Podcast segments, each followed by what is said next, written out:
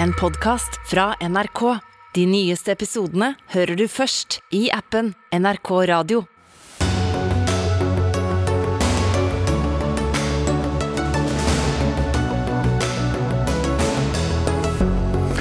Mens flere vestlige land fortsetter å ha møter med Taliban-regimet, forverres situasjonen for afghanske kvinner. Strid innad i LO om et internasjonalt atomvåpenforbud. Toppledelsen vil støtte. Offisersforbundet kaller det farlig. Senterpartiet og Høyre har kranglet om prisen på det nye regjeringskvartalet helt siden forrige regjering, men de er langt fra ferdig. Og finsk samfunnsdebattants konklusjon om at vi ikke skal applaudere tykke kropper, har hisset på seg mange. Hun møter noen av dem i Dagsnytt 18. Som er eh, programmet du hører eller ser på. Mitt navn er Espen Aas. Vi starter med den islamistiske bevegelsen Taliban, som eh, bare fortsetter å stramme inn på kvinners rettigheter i landet. I går så man for første gang kvinnelige nyhetsankere som måtte presentere nyhetene med tildekkede ansikter. Også ellers i samfunnet er det nå burka-påbud, og kvinner har ikke lov til å forlate hjemmet uten mannlig verge. Korrespondent eh, Yama Wolasmal, vår mann i Midtøsten. Eh, hvordan er egentlig livet livet for en vanlig afghansk kvinne blitt nå? Altså Hvis du er en afghansk 13-åring eh, og du er 13 år og oppover, så har du ikke lov til å gå på skole. Eh, stadig flere afghanske kvinner eh, får yrkesforbud. De som jobber, de opplever stadig flere begrensninger i jobben sin. Sist er journalister ute, hvor programlederne blir påbudt å dekke til ansiktet sitt. Det er innført et burkapåbud. Det lovte Taliban at de ikke skulle gjøre da de tok makten i august i fjor. Likevel er det nå innført. Og så nekter nektes kvinner som ikke har noe helt nødvendig å gjøre utenfor husets fire vegger, å forlate huset uten en mannlig verge. Med andre ord er Afghanistan under Taliban eh, på vei tilbake til eh, den mørkeste tiden for afghanske kvinner, nemlig da de sist styrte landet på 90-tallet, hvor kvinner i praksis var fengslet innenfor husets fire vegger. Hvordan reagerer afghanere flest på dette? Det kommer ganske sterke reaksjoner, og eh, det er eh, eh, faktisk veldig overraskende å se at stadig flere afghanske menn tar kvinnene i forsvar. Vi har sett mannlige programledere som har valgt å lese nyheter med munnbind på, i solidaritet med afghanske journalistkolleger. Det er en hashtag som går viralt. 'Frigjør ansiktet hennes' heter denne hashtagen. Den går viralt i sosiale medier, på Twitter. Internasjonale journalister som dekker til ansiktet i solidaritet med afghanske eh, journalister. Og så er det veldig sterke reaksjoner fra eh, også lærde rundt omkring i verden som eh, mener at Taliban er på fullstendig feil spor her. De kan ikke begrunne alle disse påbudene og disse forbudene som begrenser kvinners rettigheter med islam. Det er ingen sted i Koranen hvor kvinner forbys utdanning, det er ingen sted i Koranen hvor de forbys mulighet til å jobbe, og det er ingen sted i Koranen hvor kvinner blir påbudt å dekke til ansiktet. Så Taliban møter mye motbør både internt i Afghanistan og internasjonalt. Da regimet sjokkerte verden og igjen tok over makten i august i fjor, var det jo mange som mente vi så et eh, annet Taliban eh, enn sist. Du var jo til stede selv og, og mente du så noe av det samme. Har alle tatt feil? De fleste må nok spise ordene sine nå som vi ser hva Taliban i praksis er i ferd med å gjøre. Jeg var en av dem som rapporterte da Taliban tok over makten og marsjerte inn i Kabul 15.8 i fjor. Eh, grunnen til at det var en viss, en viss eh, betinget optimisme da, var at Taliban sa de rette tingene. De sa at burkaen er historie. De snakket aldri om at kvinners eh, rett til utdanning skulle begrenses. De sa aldri at kvinner ikke skulle få jobbe, at ansiktet måtte dekkes for kvinnelige programledere. Alt dette har gradvis kommet, og derfor er mange afghanske kvinner først og fremst, men også afghanske menn skremt av disse stadig innskrenkingene i eh, afghanske kvinners liv. Men til tross for dette så har det internasjonale samfunnet fortsatt dialog med Taliban, herunder Norge. Ja da, Mens dette påbudet ble satt ut i verk, så satt eh, Norges ambassadør i samtaler med høytstående eh, Taliban-ledere. Den dialogen har fortsatt siden Taliban tok over. Eh, han er ikke den eneste. Vestlige ambassadører står i kø for å møte Taliban-ledere, og Taliban tar dem imot med åpne armer. Det er viktig for vestlige land å holde dialogen oppe.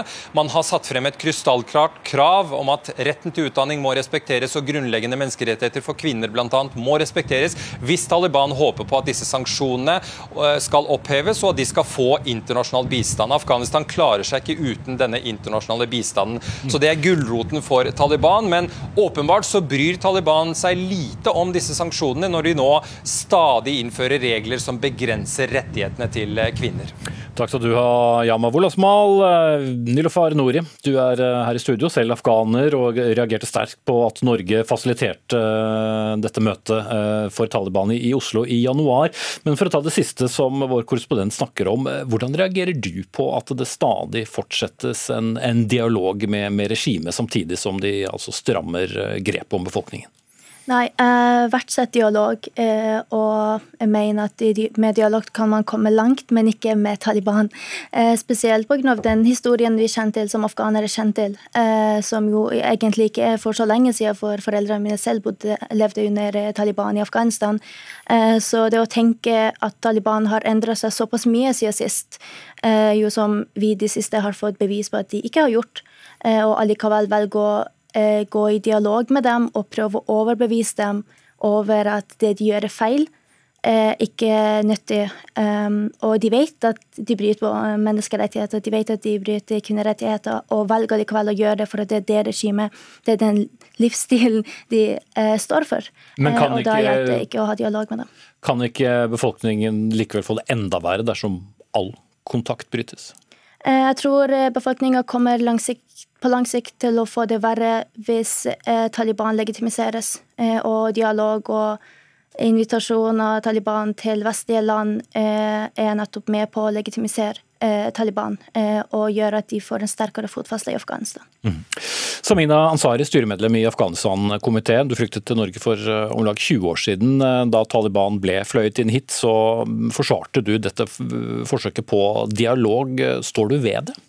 Ja, absolutt. Og jeg er veldig enig med Nilofer i forhold til dette med at Taliban har fått veldig mye uten å gi veldig lite tilbake. Eh, men samtidig så mener jeg at dialog er veldig viktig for å nå det afghanske folk. Vi må kunne nå befolkningen.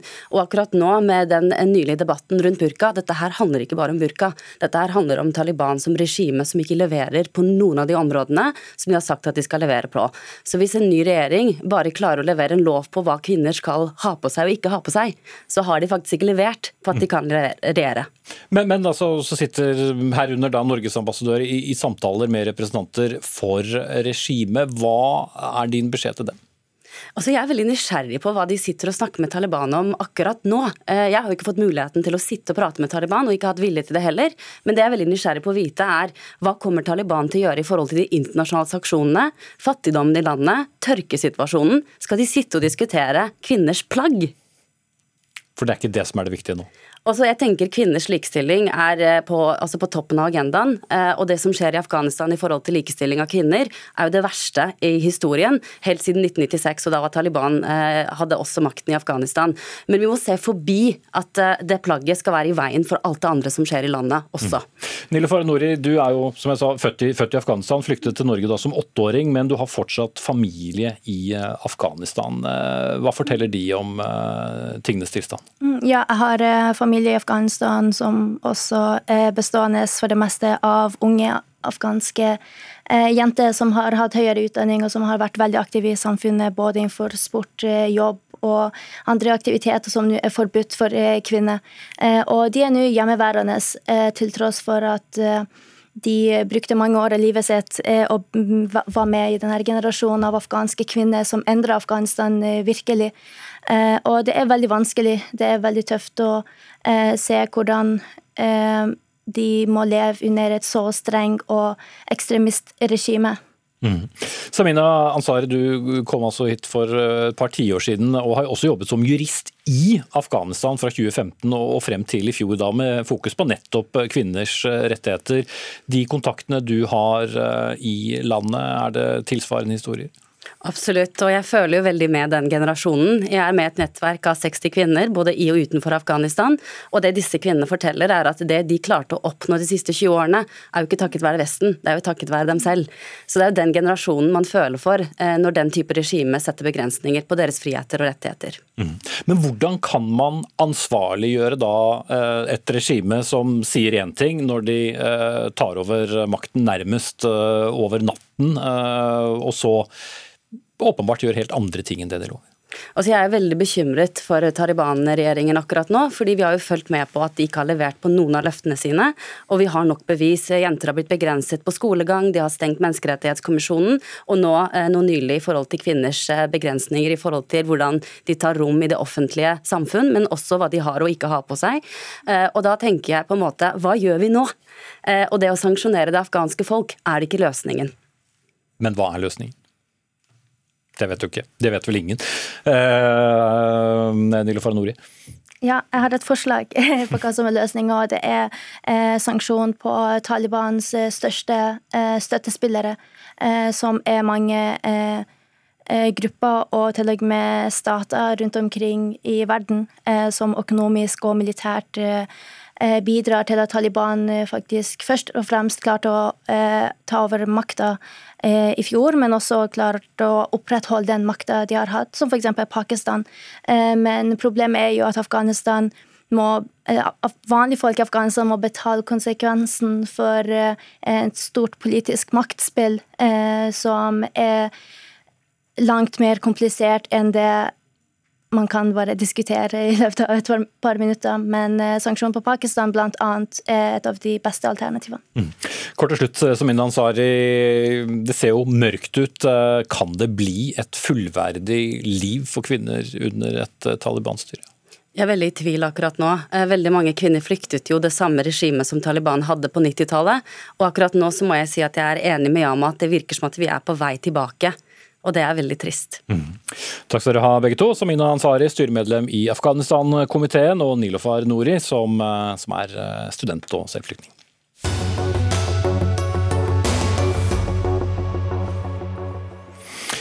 Det er strid innad i det mektige LO om et internasjonalt atomvåpenforbud. For på forbundets eh, kongress, eh, som starter om en ukes tid, kan diskusjonen om nettopp et forbud mot eh, atomvåpen internasjonalt seile opp og bli et stridstema.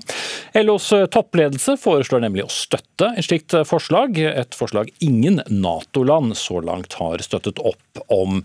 Men skal verden gå i riktig retning, ja, så må noen bryte den isen, ifølge Mette Nord, som er leder av LOs største forbund, Fagforbundet. Det gjør hun i dagens Aftenposten. Hun er imidlertid opptatt med meklingsinnspurt i årets lønnsoppgjør, men du er her, Liv Tørres, leder for internasjonal avdeling i LO.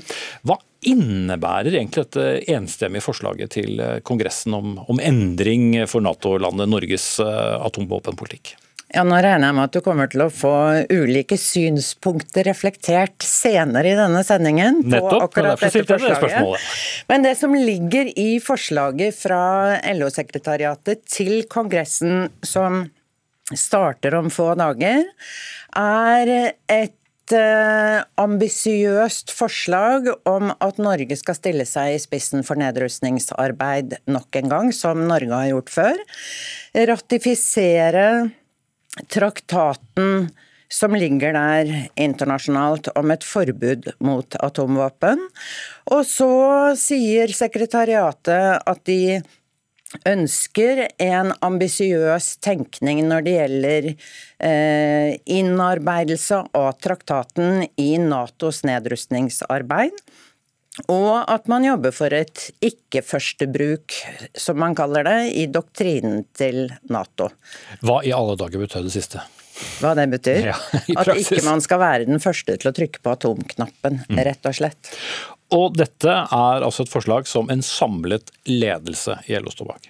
Ja, altså Det er nok litt ulike synspunkter, men sekretariatet står bak denne som da blir lagt fram for Kongressen om få dager.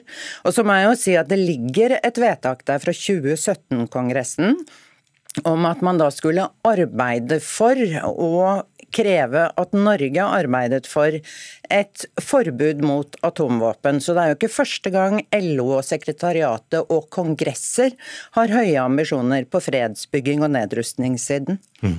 Men så er det også slik da, at både nevnte Mette Nord og, og Peggy Hesten Følsvik, som er LO-leder, sitter i Arbeiderpartiets eh, sentralstyre, som jo er, er, vanlig. og Dersom eh, Kongressen skulle vedta dette forslaget, så er det kanskje å forvente at man eh, vil se Arbeiderpartiets leder og statsminister komme med en oppfølging?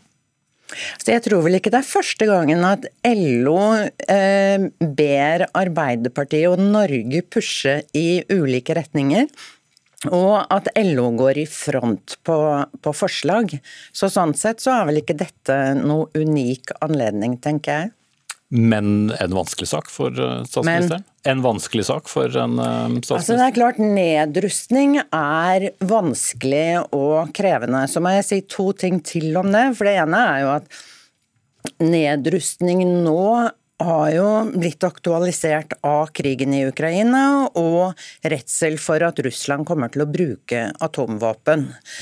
Eh, og for mange, eh, og det er jo også sekretariatet tydelig på, har krigen i Ukraina og Russlands krigshissing, for å si det sånn, også synliggjort hvor farlig det er å leve i en verden hvor supermaktene sitter med atomvåpen og, og, og bruker det i stormaktspillet, for å si det enkelt. Um, så saken er i høyeste grad aktualisert nå. Og så må det jo også legges til at, som jeg sa i sted, dette er nok et eksempel på fredsbygging og høye ambisjoner om nedrustning fra LO og norsk og internasjonal fagbevegelse. Du ønsker ikke å være med i noen debatt om dette, så da takker vi deg av, Liv Tørres, leder for internasjonal avdeling i LO. Så skal vi videre til deg, Torbjørn Bongo, for du er leder i Norsk offisers- og spesialistforbund, som også tilhører den store LO-familien. Du har kalt det hele for naivt og farlig. Ja, det er vi, og vi er imot den delen som går på at vi skal ratifisere den avtalen her, og i hvert fall å gjøre det ensidig uten at det er i dialog med de øvrige Nato-landene. Hva, hva, er det naive ved det? Eh, hvis vi tenker oss en verden hvor det ikke er atomvåpen, men så har vi noen land som kanskje begynner å leke med tanken, f.eks. type Iran, type Nord-Korea, og i skjul klarer å etablere atomvåpen, og ingen andre land har et våpen som kan kontre den, så vil de få en veldig kraftig våpen som de vil kunne bruke for å oppnå sine politiske mål. og presse Da er det tryggere å ha, å ha atomvåpen i Vesten enn å ikke ha det? Ja, det er mitt, min påstand. Det at vi har noen land, de etablerte atomvakten, at de har atomvåpen, at de, det er en viss balanse mellom deres antall våpen på begge sider, det har jo vist seg at det har bidratt til stabilitet. og det er også det at Atomvåpen har ikke vært brukt siden andre verdenskrigen, så terrorbalansen fungerer. Selv om den er skummel, så fungerer den. Ingrid Fiskå, du er stortingsrepresentant og SVs utenrikspolitiske talsperson på uh, Stortinget. Hva syns du om forslaget? Du er jo ikke helt enig med Bongo? Jeg syns det er veldig gledelig eh, og viktig at eh, et enstemmig LO-sekretariat nå går inn for å støtte FNs atomvåpenforbud. For ikke minst i en uh, situasjon der uh, Putin truer med å bruke atomvåpen, så trengs det et forsterka innsats for gjensidig atomvåpennedrustning. Mm. Og Det er akkurat det FNs atomvåpenforbud handler om. At en skal få de som i dag har atomvåpen, til å forhandle om gjensidig nedrustning. Men eh, atomvåpenland som Storbritannia, USA og Frankrike ville jo aldri støtte dette selv, så hva er poenget med at eh, man skal presse på Norges regjering? Poenget er jo at alle de statene som i dag ikke har atomvåpen, som er det store flertallet av stater, deriblant Norge, legger press på atommaktene i verden fordi det er en uholdbar situasjon at eh, ni stater per i dag som har atomvåpen, eh, kan true med å bruke de her eh, atomvåpnene. Og skal en følge logikken om at verden blir tryggere med atomvåpen, så bør jo alle stater eh, skaffe seg atomvåpen. Eh, og det vil jo være eh, en helt uholdbar situasjon. vi vet allerede at det skaper mer risiko og at de atomvåpnene finnes. Altså, Vi støtter nok også ikke-spredningsprinsippet, at vi skal beholde atomvåpen på de maktene som i dag har det. Eh, så der er vi nok enige med Fiskov. Men så er jeg uenig i at Norge bør ratifisere den her, og i hvert fall uten at det er i tett dialog med våre Nato-allierte. For det er klart at hadde alle avskaffa men ett land hadde klart å utvikle dette her, så måtte jo i verste fall eller Hvis vi hadde mistenkt eksempel, at et land som Iran hadde begynt å utvikle atomvåpen, hva skulle vi gjort da? Mm. Ja, det, det, det nevnte du. Du kan jo svare direkte på det, Fisko. For selv om eh, vestlige land skulle eh, destruert sine atomvåpen, så vet vi jo aldri hva Russland, Kina, eh, Iran, Pakistan, Nord-Korea og andre land ville gjort. Det er jo nettopp derfor det er så viktig at en slutter opp om FNs atomvåpenforbud, som for det første vil delegitimere det å ha og bruke atomvåpen, og som vil eh, få eh, alle land til å sette seg rundt forhandlingsbordet for å forhandle om å få eh, vekk atomvåpnene. Det er det som er poenget, ikke at noen skal starte med å kvitte seg med alle sine atomvåpen først. Det eh, er jo ikke riktig. Atomvåpenforbudet sier gjensidig nedrustning. Men det kommer aldri til å skje, Torbjørn Bongo? Altså, Vi er for nedrustning, for færre våpen, men, men, å presse Norge og sette Norge i en vanskelig inter, internasjonal situasjon blir feil. For det er klart at Gitt at et sånt land hadde fått et tak klart å utvikle sånne våpen, så ville de utgjort en så stor trussel for sine naboland at det hadde vært uholdbart. Da har jeg mer tro på, og jeg mener derfor synes jeg det er litt naivt når de som nå veldig tungt argumenterer for at vi skal ratifisere, vi skal presse Nato, vi skal presse alle andre til å avskaffe de her. Og Jeg tror, altså jeg forsto folk som i mars var livredde når Putin begynte å true med atomvåpen. Men i dag opplever jeg at folk har senket skuldrene, de er mer rolig, for de vet at vi er med i Nato, de vet at Nato har atomvåpen. Så truslene preller av folk nå. Hvis vi går ut på gata her, så tror jeg ikke det er mange som er superbekymra. Men det var det ganske mange i mars. Ja, blant de naive så må vel du være med i det regnestykket da, Fiskå? I så fall så er jeg jo i veldig godt selskap, fordi eh, et stort flertall av Norges befolkning ønsker jo nettopp en atomvåpenfri verden, og ønsker at eh, norske regjeringer skal signere på eh, atomvåpenforbudet. Et kjempestort flertall av eh, de rød-grønne velgerne og Arbeiderpartiet sine velgere ønsker dette. Eh, og Det er jo nettopp fordi at vi vet at så lenge atomvåpen finnes, så er det bare flaks egentlig som har gjort at ikke de har blitt brukt. Den, det er veldig kort vei til at ved et uhell, misforståelse osv. Så, videre, så setter en i gang bruk av eh, atomvåpen. Eh, og ok, eh, Torbjørn Mongo, Kan du leve med det som leder av Offisersforbundet dersom dette skulle bli vedtak på LO-kongressen? Vi kan nok leve med det, men det er nok viktig for oss og sånn som vi gjør nå, å tydelig gjøre oppmerksom på at vi syns dette er en dårlig idé. Eh, og Jeg er nok ikke helt enig med Fiskov at jeg opplever at eh, samfunnsstemninga er sånn eh, veldig mot atomvåpen. Jeg tror faktisk eh, majoriteten i den norske befolkninga i dag er glad for at vi har et Nato, og vi har et Nato som har atomvåpen som kan utgjøre en motvekt mot den presset som Russland utsetter oss også på der, og den propagandaen de kjører på på atomvåpen. Ja, dere, dere, snakker vel kanskje med, med deres egne på, på, begge sider. Vi får uh, se hva uh, fasiten blir på, på LO-kongressen. Takk skal dere ha begge to. Torbjørn Boggo, som er leder av Norges offisers- og spesialistforbund, og Ingrid Fisko, som er stortingsrepresentant og utenrikspolitisk talsperson for SV.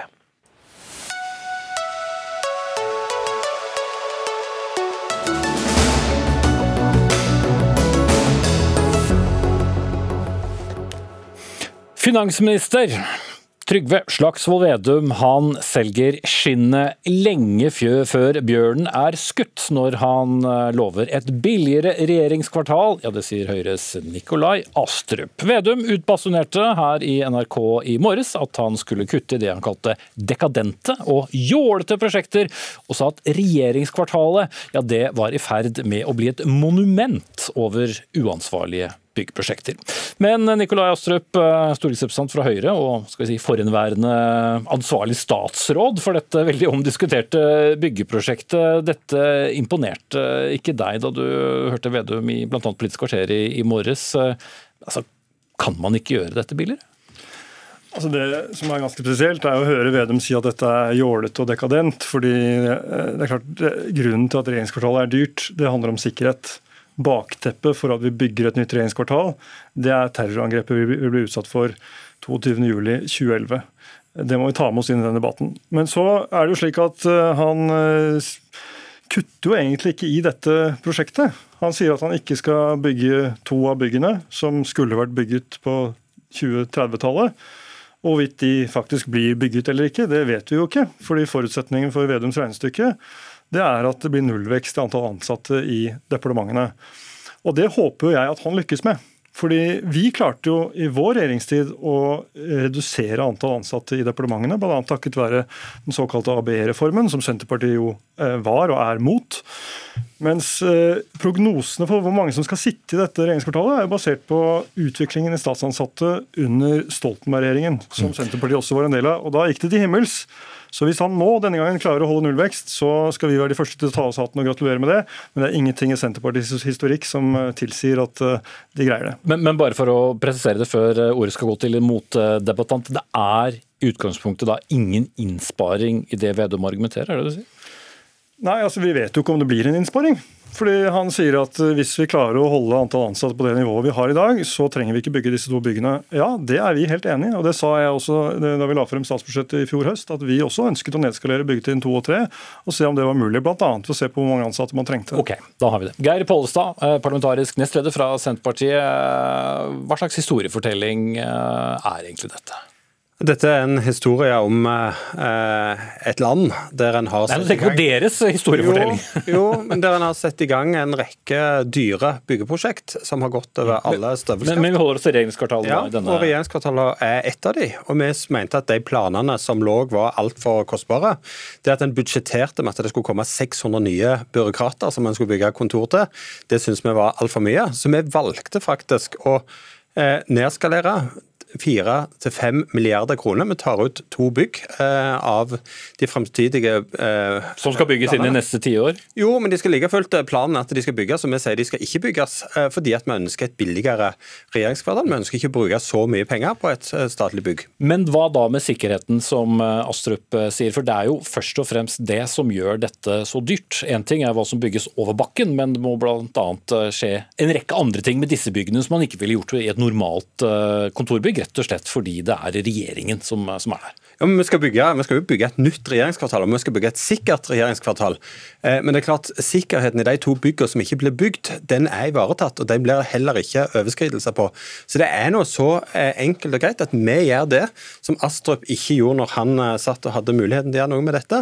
Vi nedskalerer prosjektet. Vi går ikke på akkord med sikkerheten, men vi skal gjøre dette til et mindre prosjekt. Bl.a. at vi ikke planlegger for at det skal vokse fra 4100 til 4700 ansatte. Problemet til Pollestad han har jo ikke satt seg inn i historien i det hele tatt. Vi nedskalerte jo dette prosjektet kraftig, med 28 000 kvadratmeter. Vi reduserte arealnormen, slik at hver ansatt fikk mindre areal. Da ut, utbrøt Senterpartiet i Stortinget at vi måtte passe på å ikke spare oss til fant. Vi sa nei til Senterpartiets forslag om at det skulle bygges i tre, som ville kostet uh, veldig mye mer penger. Eh, og Vi tok altså ned eh, antall ansatte som kvartalet skulle dimensjoneres for, fra 5700, som var det vi arvet fra sist Senterpartiet satt i regjering, til 4700. Og Grunnen til at ikke vi la til grunn nullvekst, selv om vi hadde klart å redusere antall ansatte i eh, departementene, det var jo at vi ikke dessverre hadde tro på at vi skulle styre inn i evigheten. Så vi måtte planlegge for at det kom folk etter oss som hadde dårligere styring på utviklingen av antall statsansatte.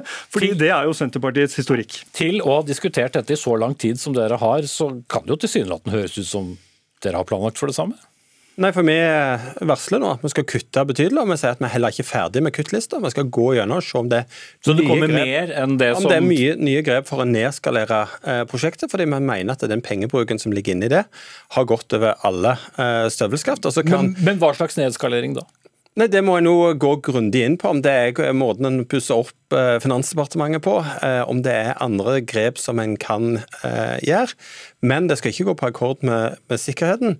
Men vi ønsker å gjøre dette billigere enn det som ligger nå. Og forskjellen er at Astrup han gjorde ingenting. Nå kommer det konkrete varsel om at dette vil bli nedskalert, og det mener jeg er eh, politisk handlekraft. Okay. men, men hvor stor er egentlig forskjellen, for det er vel det du antyder, hvis jeg hørte det riktig, da, Astrup, at forskjellen på hva dere mener man kunne nedskalere det, og det regjeringen mener man kan nedskalere, det er ikke så stor forskjell når det gjelder antall ansatte? Nei, altså vi styrte jo etter eh, en negativ vekst eh, i utviklingen av antall ansatte i departementene.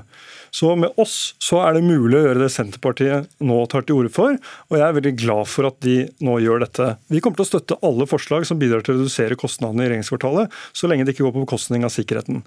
Så, eh, men når Pollestad sier at det, skjedde ingenting da vi satt i regjering, så er det feil. Og jeg påpekte akkurat i sted at det var feil, og likevel så gjentar han det en gang til. Jeg vet ikke hva du prøver å oppnå med å gjenta noe du vet er feil, Pollestad, men vi nedskalerte altså med 28 000 kvadratmeter med 1000 færre ansatte, fordi vi hadde bedre styring på utviklingen av antall ansatte i staten enn det eh, Senterpartiet hadde da de satt i regjering. Da var det en kjempevekst som gjorde at til og med kvalitetssikring Ok, men da er vi så, over åtte år tilbake i tid, da. Så kan, jo, jo, men det, det var jo det prosjektet vi arvet.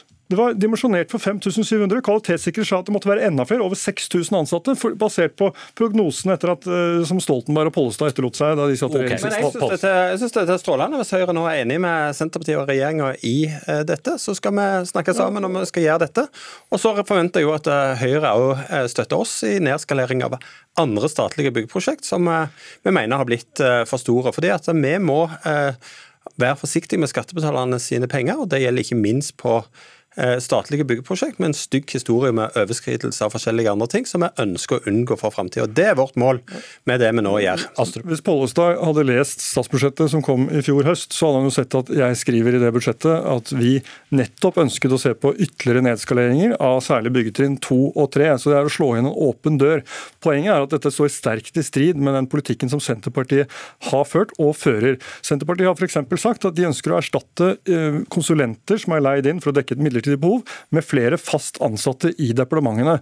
Da går det ikke opp med det Vedum sier om at nå skal vi ha nullvekst i antall ansatte. Så ett av de løftene må vike. Spørsmålet er hvilket av dem? Men vi kommer, til, vi kommer, til, å bygge et uh, funksjonelt og bra og sikkert uh, regjeringskvartal. det var så politikersvar at jeg tar og bryter deg av uh, Vårt mål er å ikke ansette flere. men planlegger for 4100. Vi har nedskalert det for 4000. Vi har tatt det ned for 4700. Da bryter du løftet om konsulenter. OK, som vi pleier å si. Jeg takker dere av. Jeg vil ikke satset penger på at dere er ferdig debattert om dette, og i hvert fall ikke så mye som en kvadratmeter regjeringskvartal koster. Geir Pollestad, parlamentarisk nestleder i Senterpartiet, Nikolai Astrup, stortingsrepresentant fra Høyre. Takk skal dere ha.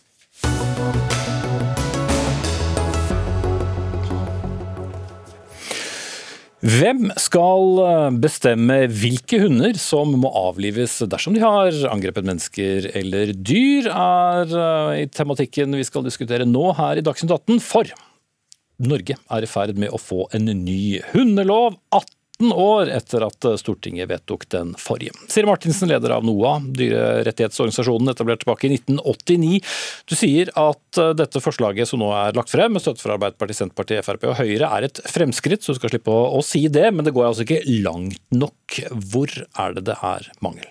Jeg vil si at eh, faktisk alle partier stiller seg bak eh, flere viktige endringer i denne nye hundeloven. Og det er jo to regjeringer som har jobbet med den, så mye er bra. Og det som vel er sentralt her, det var at den hundeloven vi har, den mangler totalt eh, faglig grunnlag. Den er ikke bygget på kunnskap om hund. Mens denne loven faktisk er det. Men, er Men du er jo ikke invitert fordi du er rørende enig, for det er noe du er uenig i. For det, det, er Nettopp derfor så er det så uforståelig at man på en måte lar den fagligheten falle litt igjennom, og ikke sikrer at også politiet, når de er ute i felt og skal gjøre disse vedtakene Om avlivning? Ikke, om avlivning av hunder, om hunder skal få lov til å leve eller dø, det har jo ikke politiet kompetanse til å vurdere, for de er jo ikke eksperter på hundeatferd, og skal heller ikke være det. Men de har jo vært ansvarlig for det i mange år? Ja, og det har vært så galt, og folk har blitt virkelig virkelig opprørt over at noen som ikke kan noe om hundeatferd, skal bestemme om en hund skal leve eller dø. Men selv om de da ikke eh, skal si, forpliktes til å ta en ekstrautdanning, så bør de forpliktes til å innhente den kunnskapen om hundeatferd når de gjør så inngripende vedtak. Og Det er det vi mener må inn i loven nå, for at den gode intensjonen i lovarbeidet skal følge med ut i praksis, og at vi ikke skal få sånne vilkårlige avlivinger av vanlige familiehunder. Så er det mulig, stortingsrepresentant fra Arbeiderpartiet og saksordfører for denne nye hundeloven, hundepolitisk eh, talsperson. Hvorfor vil man ikke ha fagpersoner når det gjelder noe så dramatisk som avliving av hund? Jo da, det, det vil jeg nå. Det er veldig mye fornuftig det som nå sies her fra NOAH. Og må bare si at Men hun sier jo noe som mangler i forslaget må bare si at nå, Det er jo en vesensforbedring i det som nå ligger i nye hundeloven. Altså, hun enig hundens, For å si det litt forenkla, da. Hundens rettigheter blir sterkere. Mm. Og terskelen for å kunne gå til det skrittet å avlive en hund, den er høyere nå enn det som er gjeldende regelverk. Men så har vi dessverre, heldigvis veldig sjelden, vi har noen konfliktlinjer mellom hund og hundehold opp mot resten av samfunnet. Mm. Og det var jo poenget til Martinsen. Hvorfor skal man ikke da bruke fagfolk? opp mot? Beitenæring, opp mot uh, andre mennesker, og i verste fall også hunder som angriper. Og i verste fall, heldigvis veldig, veldig sjelden, har også drept barn. Og Mm. da må vi ha virkemidler som uh, så, også kan kunne innbefatte avliving av hund, men veldig, veldig sjelden. Og loven legger nå veldig sterke begrensninger på at det skal prøves andre ting først. Og det er ikke sånn at politiet kan reise rundt og avlive hunder etter forgodtbefinnende. Men for gjenta meg selv for tredje gang, hvorfor ikke fagfolk? Jo, fagfolk skal være med. måte? Veterinærer for eksempel, skal være med i vurderinger hvis en hund har angrepet mennesker f.eks. Men det er også en vurdering. La oss si da at noe så gærent skulle skje at en hund angriper og dreper et barn. Så er terskelen for å kunne avlive den lavere enn om eh, hunden har angrepet et voksent menneske eller har gjort en mindre alvorlig Mm. Jo, ting. Så, men- så, så- det, så det er ikke sånn at det, politiet bare uten videre kan avlive hunden, men det er et virkemiddel som okay. i verste fall Utdyp litt her du da, Martinsen. Eh, Det stemmer at nå ligger inne i denne paragraf 18, da, som handler om avliving av hund, så ligger det inne at eh, en veterinær skal undersøke om eh, Eller ikke, ikke at en veterinær skal undersøke, men at politiet skal kunne ta høyde for at hunden faktisk er syk, og at det er derfor den har f.eks. glefset. Det er jeg som veterinær veldig glad for, fordi mange, eh, mange hunder reagerer eh, med irritasjon og osv. nettopp fordi de har en sykdom. Men det, fysikken er jo bare én ting. Eh, hundens atferd og syke det er jo også et eget fagfelt. og Derfor må politiet få eh, insentiver eller pålegg, rett og slett, og bruke den type fagkunnskap også. Og Vi snakker jo ikke her om tilfeller hvor, eh, altså de mest ekstreme tilfellene. Vi snakker om tilfeller hvor en hund kanskje har bitt eller kanskje har, uh, har opptrådt på, altså løpt etter sauer osv. Opptrådt på en måte som er uønsket, men som allikevel ikke nødvendigvis burde føre til avliving. Og de tingene det kan en hundeatferdsspesialist med f.eks. utdanning innen etologi faktisk gi veldig god informasjon om. Og den informasjonen bør politiet uh, forpliktes til å innhente. Mulig. Eller så får man jo dessverre situasjoner hvor man får ufaglige vedtak. da. Ja, Hvilke yrkesgrupper politiet skal innhente uttalelse fra, eller ekspertise fra, det er det nok litt ulike oppfatninger om. Men, men bare, bare si at regelverket er nå klart at for å si det sånn da, Hvis en hund glefser, det er ikke god nok grunn til å avlive en hund. Det skal langt mer til, så det skal være i ytterste konsekvens, og det skal være ekstreme tilfeller. Men hvis den har at- angrepet et dyr, da? Angrepet et dyr. Nei, det, Hvis en hund angriper et dyr en gang, så er det ikke nok til at politiet kan komme og avlive den hunden. Altså, og Dette er nå veldig ramma inn Så, så i den Martinsens frykt er ubegrunnet? Nei, nei, altså, jeg, jeg skjønner hva hun sier, og vi får jo veldig mange tilbakemeldinger om det. Og jeg tror vi skal være ærlige på at eh, tidligere tider, da vi til og med ikke hadde noe regelverk Jo, jo, men nå snakker vi om den loven som skal men, komme, Men den, så var dette kanskje litt for enkelt å avlive en hund. Men nå er dette veldig ringa inn, det er veldig stramma opp, og det er vilkår som må okay. være der for at politiet skal kunne gjøre det. Eh, Jeg er veldig glad for at du sier det, men jeg husker at jeg hadde debatt med justisministeren for den forrige loven, og han lovet også at ting skulle bli bra, men så lenge det ikke er helt juridisk satt hva man faktisk skal gjøre ute i praksis, så er det ikke sikkert det blir så bra som man har tenkt. Men for å sikre at intensjonene og alt det du sier nå faktisk blir eh, håndhevet ute i praksis når politiet sitter og gjør sine vedtak, så syns vi at det er, eh, en, ja, det er rett og slett en forsikring om at man utfører Stortingets vilje. da og føre på en liten setning om at eh, hundesakkyndig vurdering skal også være en del av den vurderingen. Eller kan være en del av den vurderingen som politiet gjør. Så det er ikke veldig mye vi- krever, men det er veldig viktig fordi vi liksom sikrer at det siste leddet, politiet, også faktisk innhenter kunnskap når de trenger det, og ikke bare tenker at dette klarer vi sjøl, selv, selv om vi ikke vet noen ting om hund. Og vi har jo hatt mange saker hvor politiet har gjort det med denne loven, at de sier i rettssalen at nei, vi vet ingenting om hund, men vi syns den så skummel ut, Så Derfor okay. så vedtok vi det. Men dette få mener vi er veldig godt ivaretatt i den nye loven. Jeg er enig, det er ikke bra nok i dag, men dette er stramma opp i den nye loven. Og det er, det er strengere krav om hundeeierens ansvar for at hun skal ha det bra og oppføre seg ordentlig. Og det er bedre presisering på hva slags type skade som hunden eventuelt må foreta hvis noe så alvorlig skal skje at hunden avlives, som jeg gjentar er veldig, veldig sjeldent, og heldigvis. Så vi mener at dette er veldig godt ivaretatt i den nye loven. Okay. Men det er veldig gode tilbakemeldinger det vi får. Og så må vi jobbe litt videre med, for alle detaljene er nok ikke på plass, sjøl om vi kanskje får en ny hundelov i, i morgen i Stortinget. Ivaretatt har vi i hvert fall uh, hørt uh, nå. Og hvorfor man skulle ha ny hundelov, er det heller ingen som lurer på. Siri Martinsen, leder av NOAH, og Sverre Myrli, stortingsrepresentant fra Arbeiderpartiet.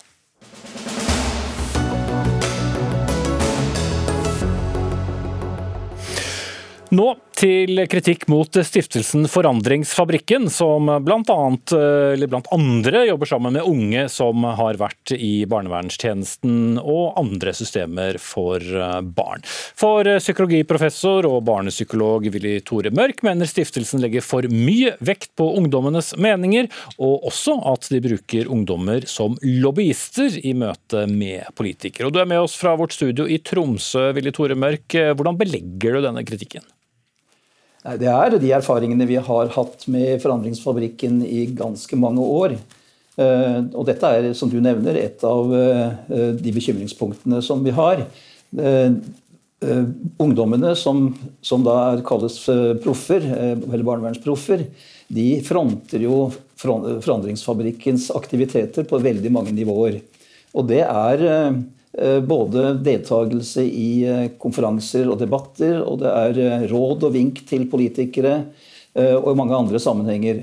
Og dette er ungdom som er mellom 14, 15, 16, 17 år, som er i en formativ fase. Mange av de har hatt belastede barndommer, eh, til dels svært belastede barndommer.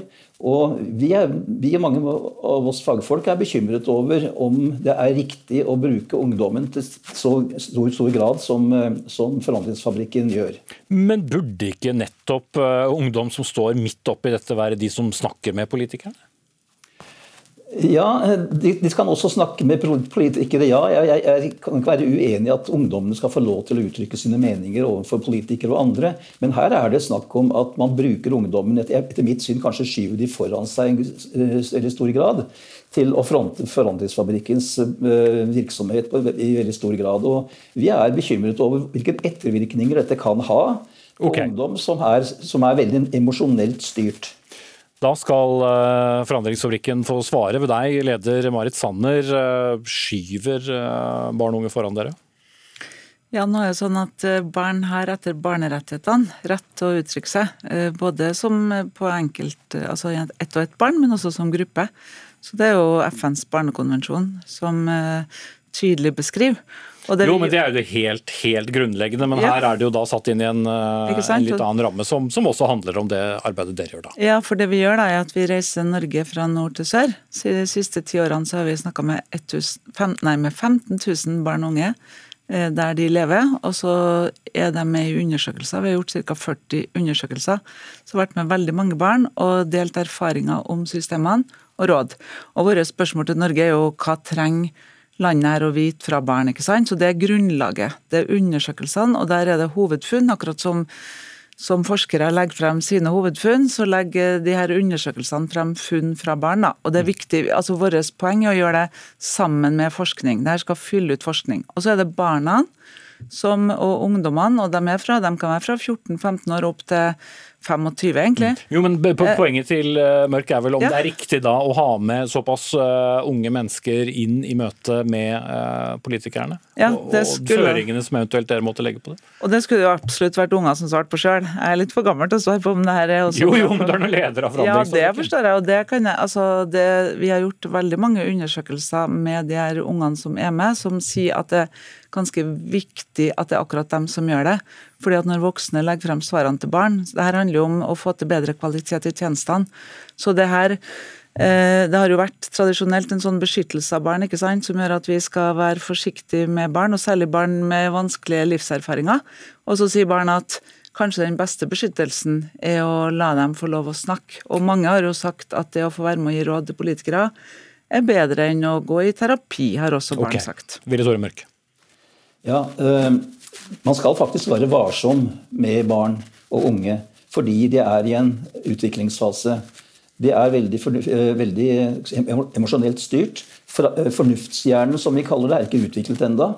Og vi må også huske på at, at samtykke, som disse ungdommene selvfølgelig gir på en eller annen måte med å være med på de forskjellige aktivitetene til Forandringsfabrikken, dette samtykket skal jo også være gyldig.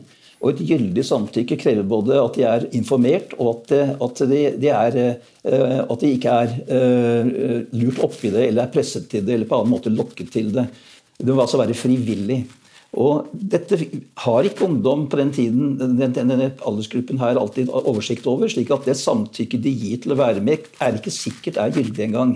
Så jeg, derfor mener jeg, jeg, jeg maner til varsomhet. Ikke det at jeg Altså, Jeg har stor respekt for ungdommenes synspunkter. Jeg er selvfølgelig enig i at ungdommene har rett til å uttale seg og rett til å bli informert og la seg informere. Men det er denne varsomheten som jeg etterlyser når det gjelder Forandringsfabrikkens ganske massive bruk av ungdommer i, i veldig, veldig mange Svar på det. Sanner. Ja, så Forandringsfabrikken har ikke noe uh, som skal presenteres uten hovedsvarene fra ungdommene sjøl. Så det er ikke noe agenda med å skyve ungdommer foran seg. Og det som vi er i hvert fall helt enige om, er at det her må gjøres på en måte som gjør at det er trygt for unger, og at de eh, Ja, men hvordan selv- vet du det hvis du Det- har med deg barn som har vært gjennom eh, traumatiserte opplevelser, og da skal være de som, som, som eh, møter politikere? Det vet man med å høre hvordan opplevelsen var, ikke sant? og hvordan det kjentes etterpå. og hva hvordan om, altså det, Alt er jo helt frivillig, og unger snakker nok i Norge i 2022 ganske, ganske høyt om at hvem er vi voksne som er sikre på at vi vet hva som er best for barn. Dette er jo veldig annerledes enn det var for ti år siden. Første gangen for, uh, ungdommer var med oss på scenen, så var det uh, mange psykologer som stilte spørsmål til det her. Nå uh, er det veldig, veldig sjelden. Og det er på, kan jeg bare snakke for det? Men jeg, jeg har veldig liten Ja. tid igjen, så jeg vil bare Hvordan mener du da at man skulle ivaretatt dette, Mørk? Og ikke la dem slippe til, eller hva, hva, hva slags prosess skulle Ja, vært? i, I andre fora. Eh, og det, jeg, jeg vet også at måten de snakker med politikerne på, er også veldig sjarmerende. Jeg bruker ordet sjarmerende fordi politikerne lar seg sjarmere av det.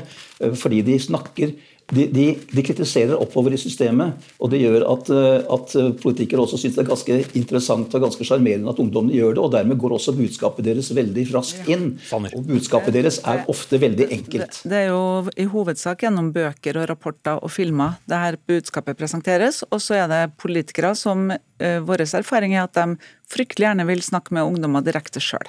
Ok, da setter jeg strek. Marit Sanner, leder av Forandringsfabrikken, og Willy Tore Mørk, barnepsykolog og professor i psykologi.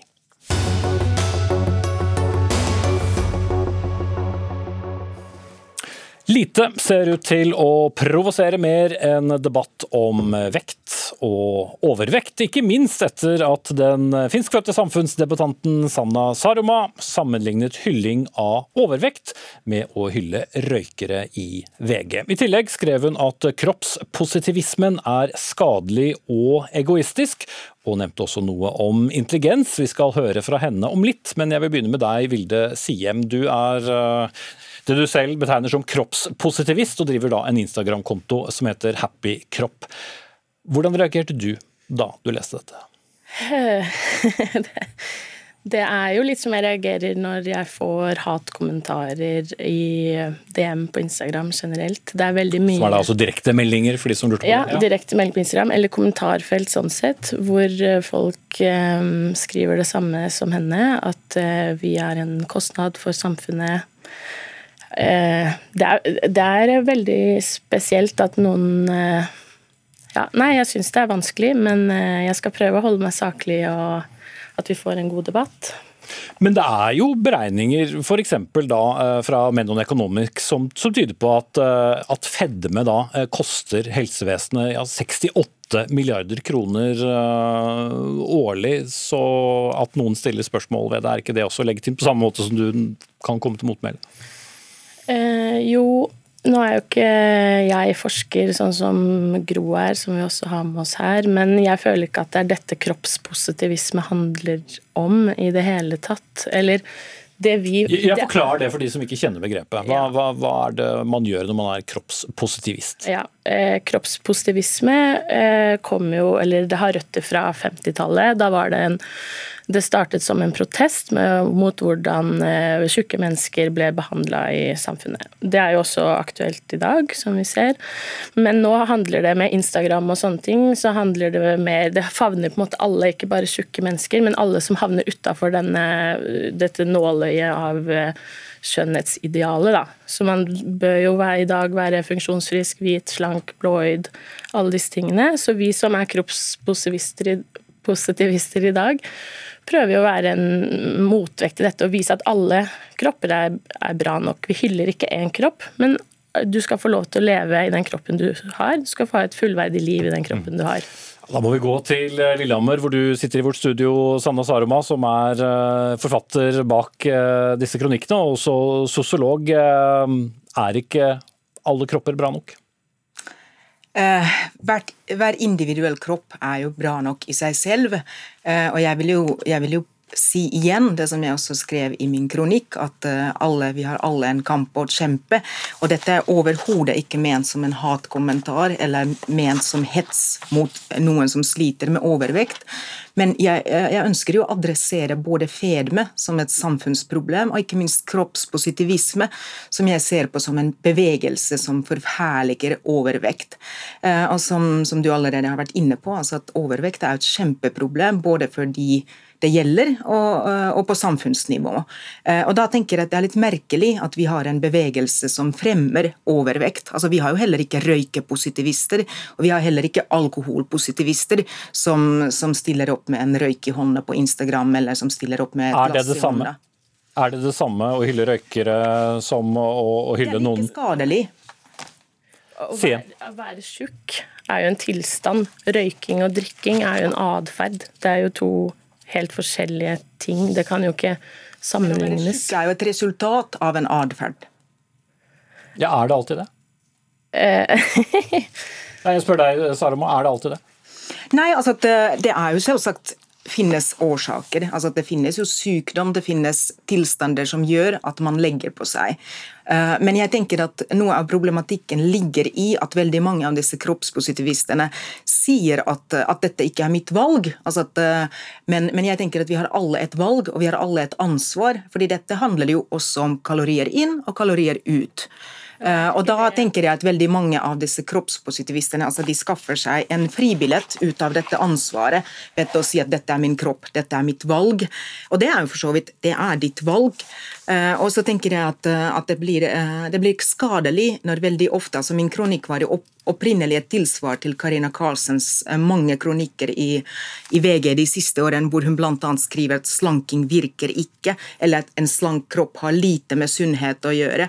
Og Det er ganske, ganske drøye påstander. Mm, det var ikke hun her, altså, du får ikke debattert med, med henne, men, Nei, men, men, altså, dette slanking virker ikke. Det er jo det som kroppspositivistene elsker å gjenta. Eller at slankhet har lite med sunnhet å gjøre. Men statistisk sett så har normalvekt veldig mye med sunnhet å gjøre, og okay. overvekt har veldig lite lite med sunnhet å gjøre. Ta inn en tredje person. Ja, jeg vil bare si at Det er ikke det kroppspositivister eh, Det er ikke det vi driver med. Vi snakker svært lite om slanking.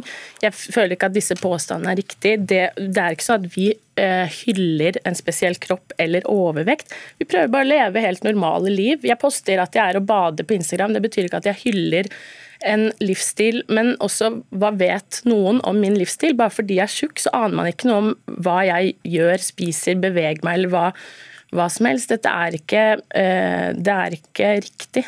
Mm.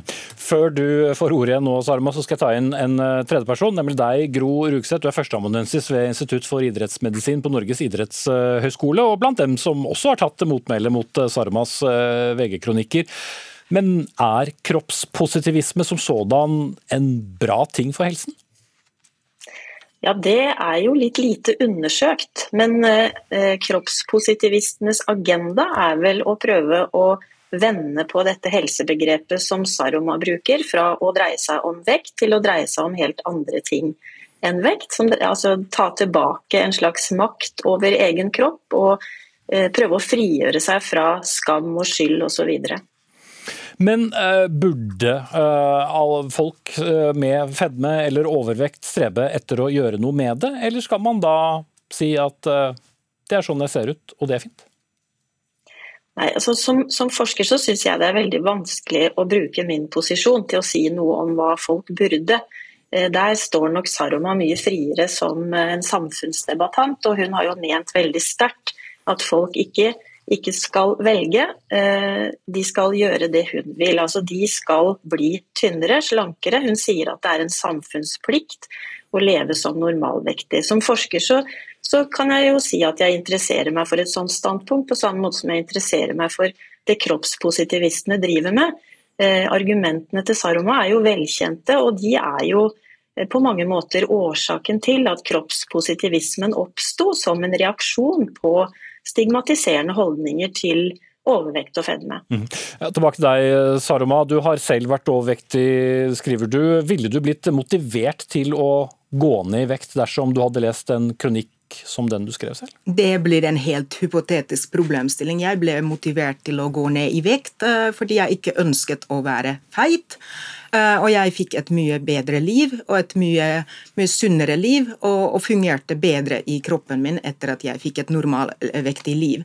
Og Noe av mitt poeng her er jo at, eh, at din fedme handler ikke bare om deg, altså at det handler jo også om helsevesenet, altså den enorme belastningen overvektige folk påfører på helsevesenet. Og også dette interessante perspektivet at eh, jeg snakket med en pensjonert pensjonert person som jobbet i, hadde jobbet lenge i helsevesenet og sa at hun orket ikke mer fordi kroppene ble tyngre og tyngre. Og det var liksom mye jobb å flytte på de tunge kroppene. Så sånn sett Når kroppspositivistene sier at det er mitt valg hvor mye jeg veier, så tenker jeg at Ditt valg har konsekvenser for andre. Det har konsekvenser for skattebetalerne, det har konsekvenser for helsevesenet, og det har konsekvenser for de som kommer til å pleie deg når du ikke orker med. Og Statistisk sett så kommer du til å ikke orke uh, mye tidligere enn normalfektige mennesker. Vil du kvittere ut den, Rugseth? Ja, eh, det er mange ting å kvittere ut her for så vidt. Jeg tenker at Det eksempelet Saroma viser til nå, med denne helsearbeideren som hun også har vist til i en tekst hun har skrevet, det, det syns jeg er et veldig sånn jeg synes det er et veldig trist standpunkt å ta. altså Å stille seg solidarisk med en helsearbeider som rett og slett mener at det er pasienten som er problemet. Det er et standpunkt som strider veldig mot helsevesenets innretting. Som handler om å hjelpe der man kan hjelpe. Eh, og ikke legge skylda på pasienten for det ene og det andre. Så Det, det syns jeg er et veldig trist standpunkt. Og så, og så er det dette med å presse overvektige eh, personer inn i en forståelse av at det handler om valg, som også er veldig sånn konsistent hos Saroma. Det gjentas gang på gang, mens, mens hun samtidig prøver å, å, fortelle oss at hun har respekt og forstår at det kan være komplisert. Men det ender liksom alltid opp med at det er et valg. og det er også forholdsvis problematisk å opprettholde en sånn innstilling. Mm. Men, men, det overordnede som hun da bl.a. skriver om som en slags sånn frigjøring, kan man si at folk får det bedre fysisk og, og mentalt eh, ved å gå ned i en normal vekt, hvordan man nå skal definere det? Det er jo veldig interessant å undersøke selvfølgelig hva det betyr for folk å gå ned i vekt, og hva det betyr for folk å ikke gå ned i vekt. Eh, kroppspositivistene er jo eh, Blant dem så er det jo veldig mange som har prøvd å gjøre det Saruma mener at de skal, eh, og gjentatte ganger.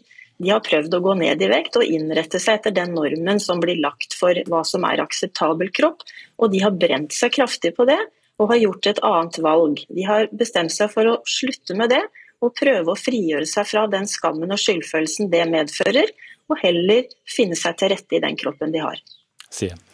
Jeg har bare lyst til å si det at eh, man blir i hvert fall ikke motivert av denne type uttalelser og kronikker til å slanke seg. Heller ikke nødvendigvis tvert om, men man, det fører jo til mye skam og ja, nei, Også det med at eh, hun sier at hun har vært tjukk tidligere, at hun fikk et mye bedre liv etterpå. Disse tingene hun refererer til at hun fikk det bedre til, kan man jo også få som tjukk hvis man mister stigmaen i samfunnet. At, at, at folk respekterer deg, at du blir handla likeverdig. Det gjør at du vil få et mye bedre liv. Du trenger ikke å gå ned i vekt for å få et bedre liv. Veldig kort til slutt, eh, Sarma. Mange har reagert på at du ser ut til å knytte det med å være normalvektig også til noe intellekt. Kan du veldig kort forklare hva du mente med det?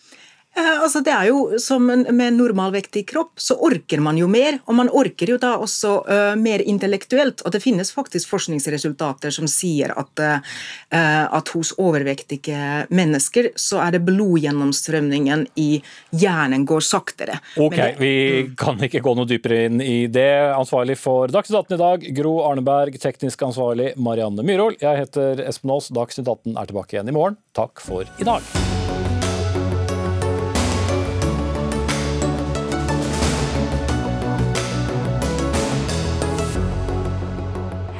En podkast fra NRK. De nyeste episodene hører du først i appen NRK Radio.